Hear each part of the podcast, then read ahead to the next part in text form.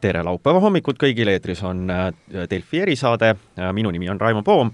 ja äh, vaatame täna otsa nädala niisugusele kuumemale poliitika teemale, mis keerleb kõik raha ümber, ehk siis eelarvega seotule ja eriti sellele, mida oleme käsitlenud nii Delfis kui ka Päevalehes ehk siis äh, kaitsekulude äh, teemad, mis toimub äh, kaitsevaldkonnas, sest siin on signaalid olnud väga erinevad, üks nädal-kaks tagasi me kõigepealt muretsesime selle pärast, et kas kaitsekulud võivad väheneda, sellepärast et skp langeb ja nagu me teame, siis kaitsekulude nii-öelda suurus on seotud SKP-ga, ehk siis kaks protsenti, me räägime sellest, et kuidas me kulutame kaks protsenti. Äh, sel nädalal me jõudsime välja selleni, et, et võib-olla on kuskil lisaraha ja laenuga saab midagi juurde panna, aga siis tuli välja, et midagi tuleb panna, midagi mõeldakse äh, juba sinna, mis asja sinna panna ja kas seda ikkagi on vaja ja nii edasi kuumad arutelud käivad, äh, poliitikud ühel pool, kaitseplaneerijad teisel pool, igal juhul mul on väga hea meel, et äh, meil on siin stuudios äh, kaks kolleegi, kes kõik sellest asjast täpsemalt teavad, ähm, Eesti Päevalehe ja, ja Delfi ajakirjanikud Kärt Anvelt, tervist! tere! ja Vahur Koorits, tervist! tervist! Aga Kärt, sina oled kõige rohkem sellega tegelenud äh, ja, ja, ja ma tean äh,, olen kuulnud sind tundide kaupa telefonis ja, ja rääkimas ja näinud, kuidas sa jooksed ühelt kohtumiselt teisele äh,. räägi täpsemalt, mis selle nüüd, mis asi seal kaitsekuludega toimub, et et kas keegi tahab vähendada või suurendada või mis seal nüüd täpselt toimub? no kõigepealt esimesed signaalid tõesti tulid ju ju juuni lõpus, juuli alguses, et kaitsekuludega midagi võib juhtuda järgnesid signaalid, et augusti lõpus ja septembri alguses äh, võtsime, võtsin kätte, tegin siis ühe loo, et kuidas meie kaitseplaneerimine üldse läbi aastate on olnud, et meil on ju siin pikaaegne arengukava, mis on kümme aastat, on nelja-aastane, on üheaastane, neid kahte viimast on alati võimalik ümber teha, aga sai siis ka ära selgitatud, äh, et äh, meie kaitsekuludesse on sisse arvestatud, noh, see on, see on tegelikult tohutu Exceli tabel, et piltlikult öeldes, kui see mõni aasta tagasi viidi Riigikogu liikmete lauale, siis oli see noh, kui nüüd telepilt saaks näidata, kahjuks ei saa, aga ütleme no Kärt hoiab poole meetri kõrgusel kätt lauast. jaa, et kui see välja printida, siis on see selline, selline Exceli tabel, kus on isegi, ma ei tea, ajateenijate trussikud välja toodud, et mis see näiteks nüüd kümne aasta äh, lõikes tähendab, et mis need summad on, rääkimata loomulikult relvastusest, hangetest, rääkimata selle relvastuse jaoks vajaminevatest, vajaminevast laskemoonast, Mm, relvastust ja kaitseväelasi transportivast äh, tehnikast ja nii edasi. aga, aga tõepoolest äh, läks paar nädalat äh, mööda ja ja tulid siis juba konkreetsemad signaalid, et jah, nüüd ongi kavas A, kas siis kaitsekulutusi viiskümmend miljonit kärpida. ah soo, nii mis nelja aasta peale tähendaks juba kakssada miljonit eurot ja B, teiselt poolt pakkus siis rahandusminister Martin Helme välja, et kuivõrd laenuraha on Eestisse tulemas, siis oleks võimalik kohe ka Kaitseväele anda lisainvesteeringutele kolmsada miljonit eurot. mis iseenesest pole ju üldse halb, Kaitseväel on hirmsasti seda raha tarvis. ainult mis küsimusi siin väga tekitas, on see, et rahandusminister hakkas juba nii-öelda ette kirjutama, mida Kaitsevägi peaks siis ostma selle eest. jutt oli siis meretõrjevõimekuse tõstmisest ehk rannakaitsepatareisid võiks osta ja teiselt poolt siis kas keskmaa õhutõrje ja teha siin näiteks riik riigiga tehing Iisraeliga, seda ütles äh, rahandusminister juba otse välja äh, kui ta peale, peale kolmapäevast Riigikogu riigikaitsekomisjoni erakorralist istungit siis kommentaare jagas no vot, küsimus ongi see, et et rahandusminister või sotsiaalminister või, või kultuuriminister, nemad ei saa Kaitseväele ette kirjutada, mida Kaitsevägi peab ostma. et vot siin ongi see küsimuse konks just. aga, aga okei okay,, selles mõttes, et, et no mina ei ole selles teemas nüüd nii väga sees, aga ma noh, niimoodi, kui ma nüüd olen kõrvalt jälginud, siis ma olen ausalt öeldes kuulnud neid nimetusi, no vähemalt seda keskmaa õhutõrjet, eks ju, ma olen küll kuulnud, et no meelest on seda isegi kaitseväelased, et kuskil peaks nagu selle millegi peaks tegema ja mis iganes, aga nüüd pakutakse, mis ei sobi või? just nimelt, tegelikult äh, sellest on kaitseväelased rääkinud, ka minu enda varasemates artiklites on läbi käinud, et loomulikult oleks seda vaja, aga siin ongi praegu point selles, et pakutakse kolmsada miljonit ja selle eest saaks selle süsteemi ära osta ja selle eest saaks ka inimesed välja koolitada, aga ei ole mõeldud taristu peale ning edasise ülalpidamiskulude peale. et nii, nagu äh, kaitseeksperdid ütlevad, siis üks süsteem on edasisest elutsükli kulust tegelikult umbes kakskümmend, heal juhul kolmkümmend protsenti. ehk et äh, kui praegu pakkuda see kolmsada miljonit eurot ning see raud ära osta, raud pole öeldud siin halvas mõttes, kaitseväelased ise nimetavad ka kogu seda tehnikat alati rauaks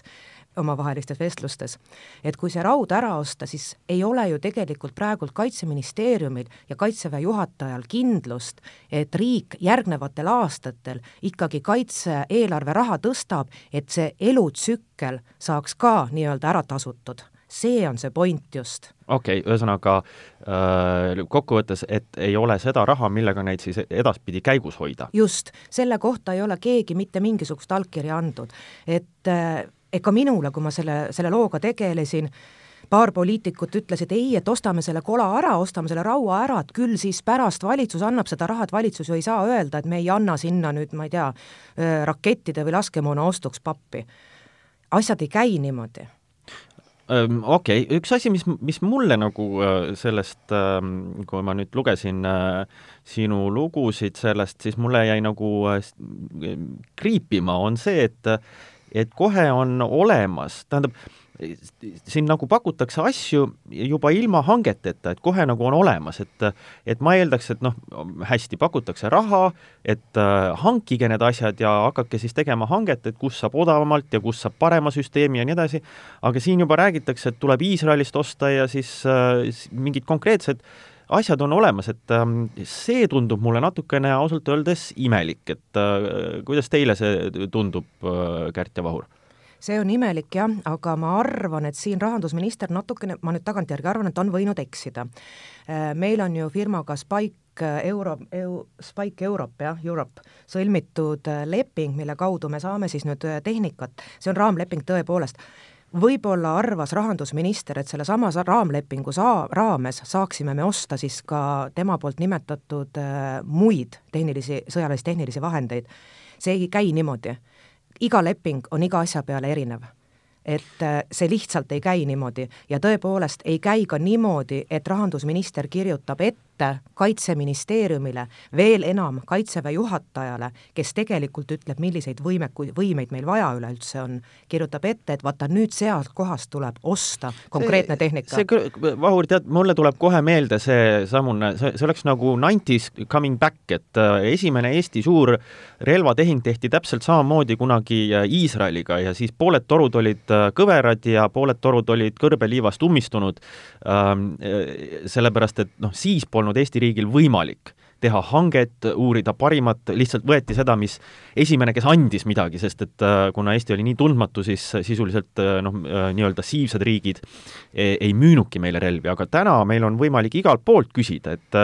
et rahvusvaheline kogemus ütleb ka, et kus on nii-öelda palju äh, no ütleme siis otse selle sõna välja, korruptsiooni avalikus sektoris, need on tavaliselt igasugused äh, ehitused ja värgid ja siis on muidugi kaitse, kaitsehanked, et ähm,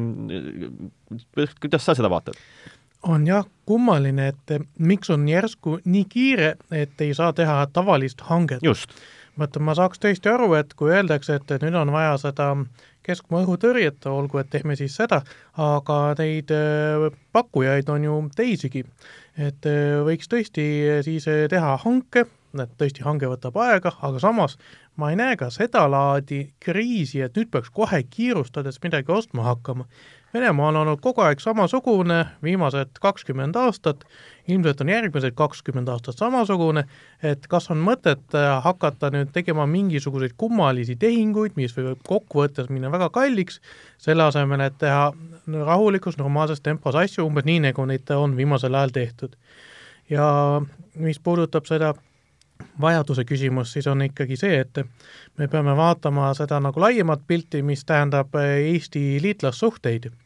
et eh, Eesti Kaitseväe areng on olnud väga maaväekeskne ja see, sellel on mitu põhjust. üks on see, et maavägi on miski, mis, mida liitlastel on kõige vähem ja mida nad kõige vähem tahavad anda ja mille transport võtab kõige rohkem aega. ehk siis kui me räägime näiteks õhuväest, siis need lennukid, mis võib-olla meie kaitseks sõda peaksid, need ei pea üldse Eestisse tulema ega ka mitte Lätti ega Leetu. Need võivad olla seal oma baasides Saksamaal ja Inglismaal ja neid tangitakse õhus ja need ei pruugi mitte kunagi nagu Eesti pinnale tulla, kui toimuks mingisugune kriis et ka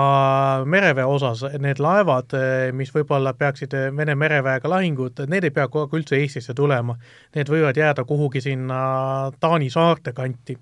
ja nad ikkagi suudavad oma need äh, lahingud ära pidada. et äh, aga maavägi on tõesti see, et äh, need mehed ja need masinad peavad olema füüsiliselt koha peal, seda ei saa kaugusest teha. ja see on nüüd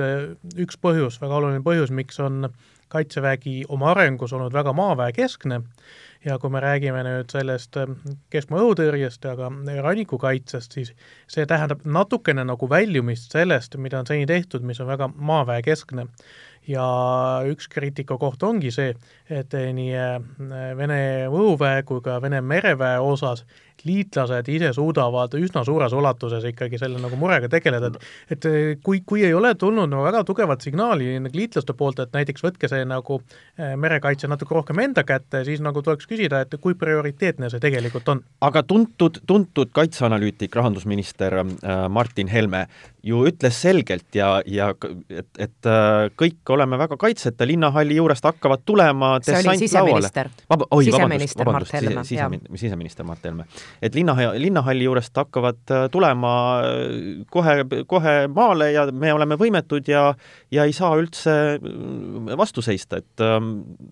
nende pilt on mingisugune, see pilt on teistsugune. mulle väga meeldis siin, et peaminister Jüri Ratas kohe ütles, et Mart, siin sa küll eksid, et äh, Jüri Ratas ikka asus siin väga tugevalt äh, Eesti kaitseministri ja kaitseväe kaitsele, äh, viidates, et meil on väga hästi eelhoiatused paigas nii Eesti enda poolelt kui, kui ka meie partnerite poolelt, sellist asja lihtsalt ei saa toimuda. nii et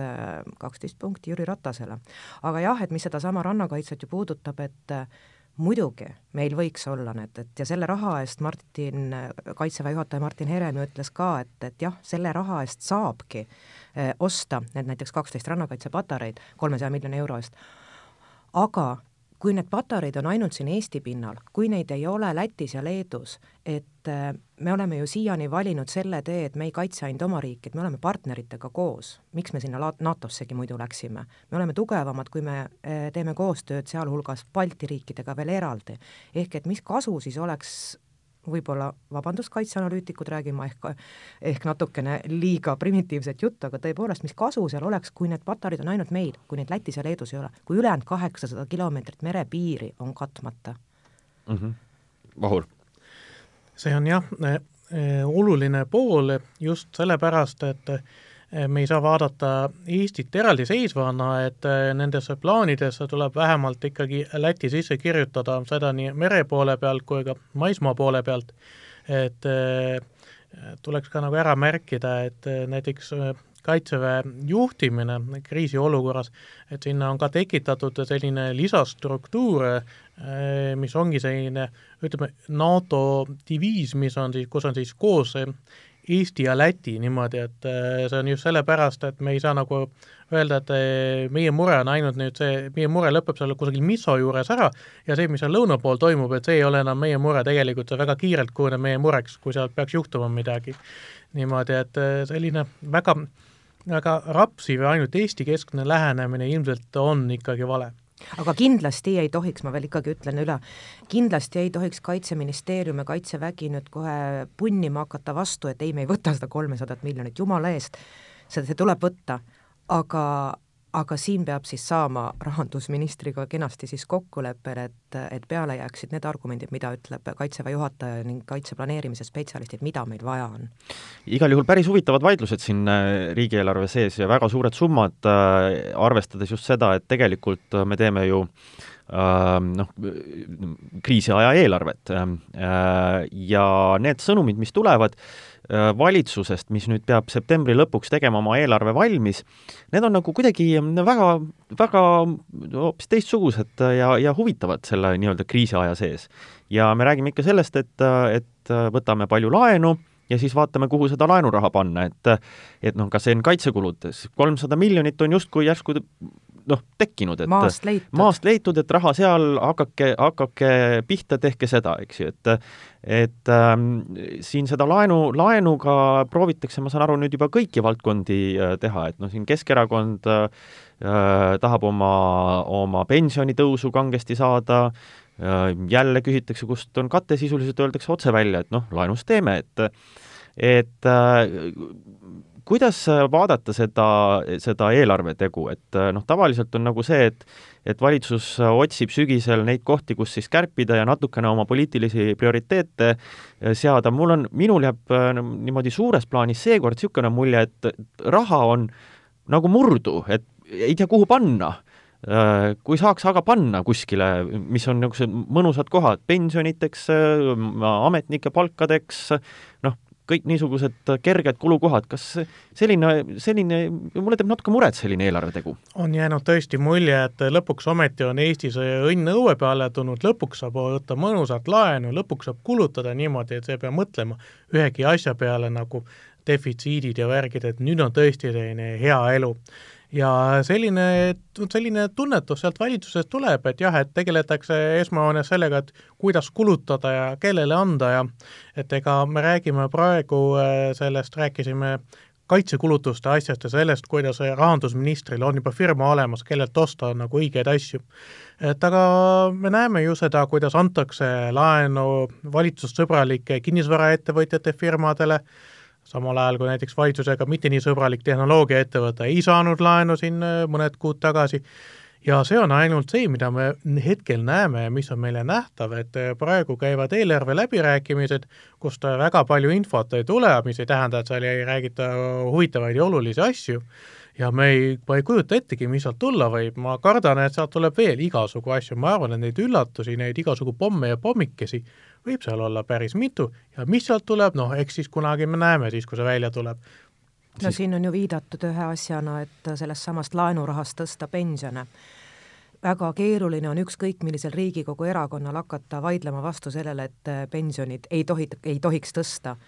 muidugi tohib pensione tõsta, aga küsimus on see, et kas me seda laenurahast tohiksime teha, sellepärast et äh, järgnevatel aastatel seda laenuraha ju enam ei ole, aga pensionid indekseerimisega tuleb välja tõuse, maksta. tuleb välja maksta, et indekseerimisega tõusevad ju veelgi. aga siis äh, on ju loogiline, et võetakse jälle laenu ähm, ja, ja seda ma just tahtsingi sinna jõuda, et, et, äh, et noh, kõik see viitab sellele, et sisuliselt minna ne-, noh, seda teed, et jooksvaid kulusid laenudest rahastada, see on väga libe tee, et et seda hakkad ükskord peale, väga raske on sellele pärast piiri panna järgnevatel aastatel. mina ei ole kindel, et eh, selle valitsuse osapooled üldse tahavad piiri panna, mina vaatan, et kõik kolm erakonda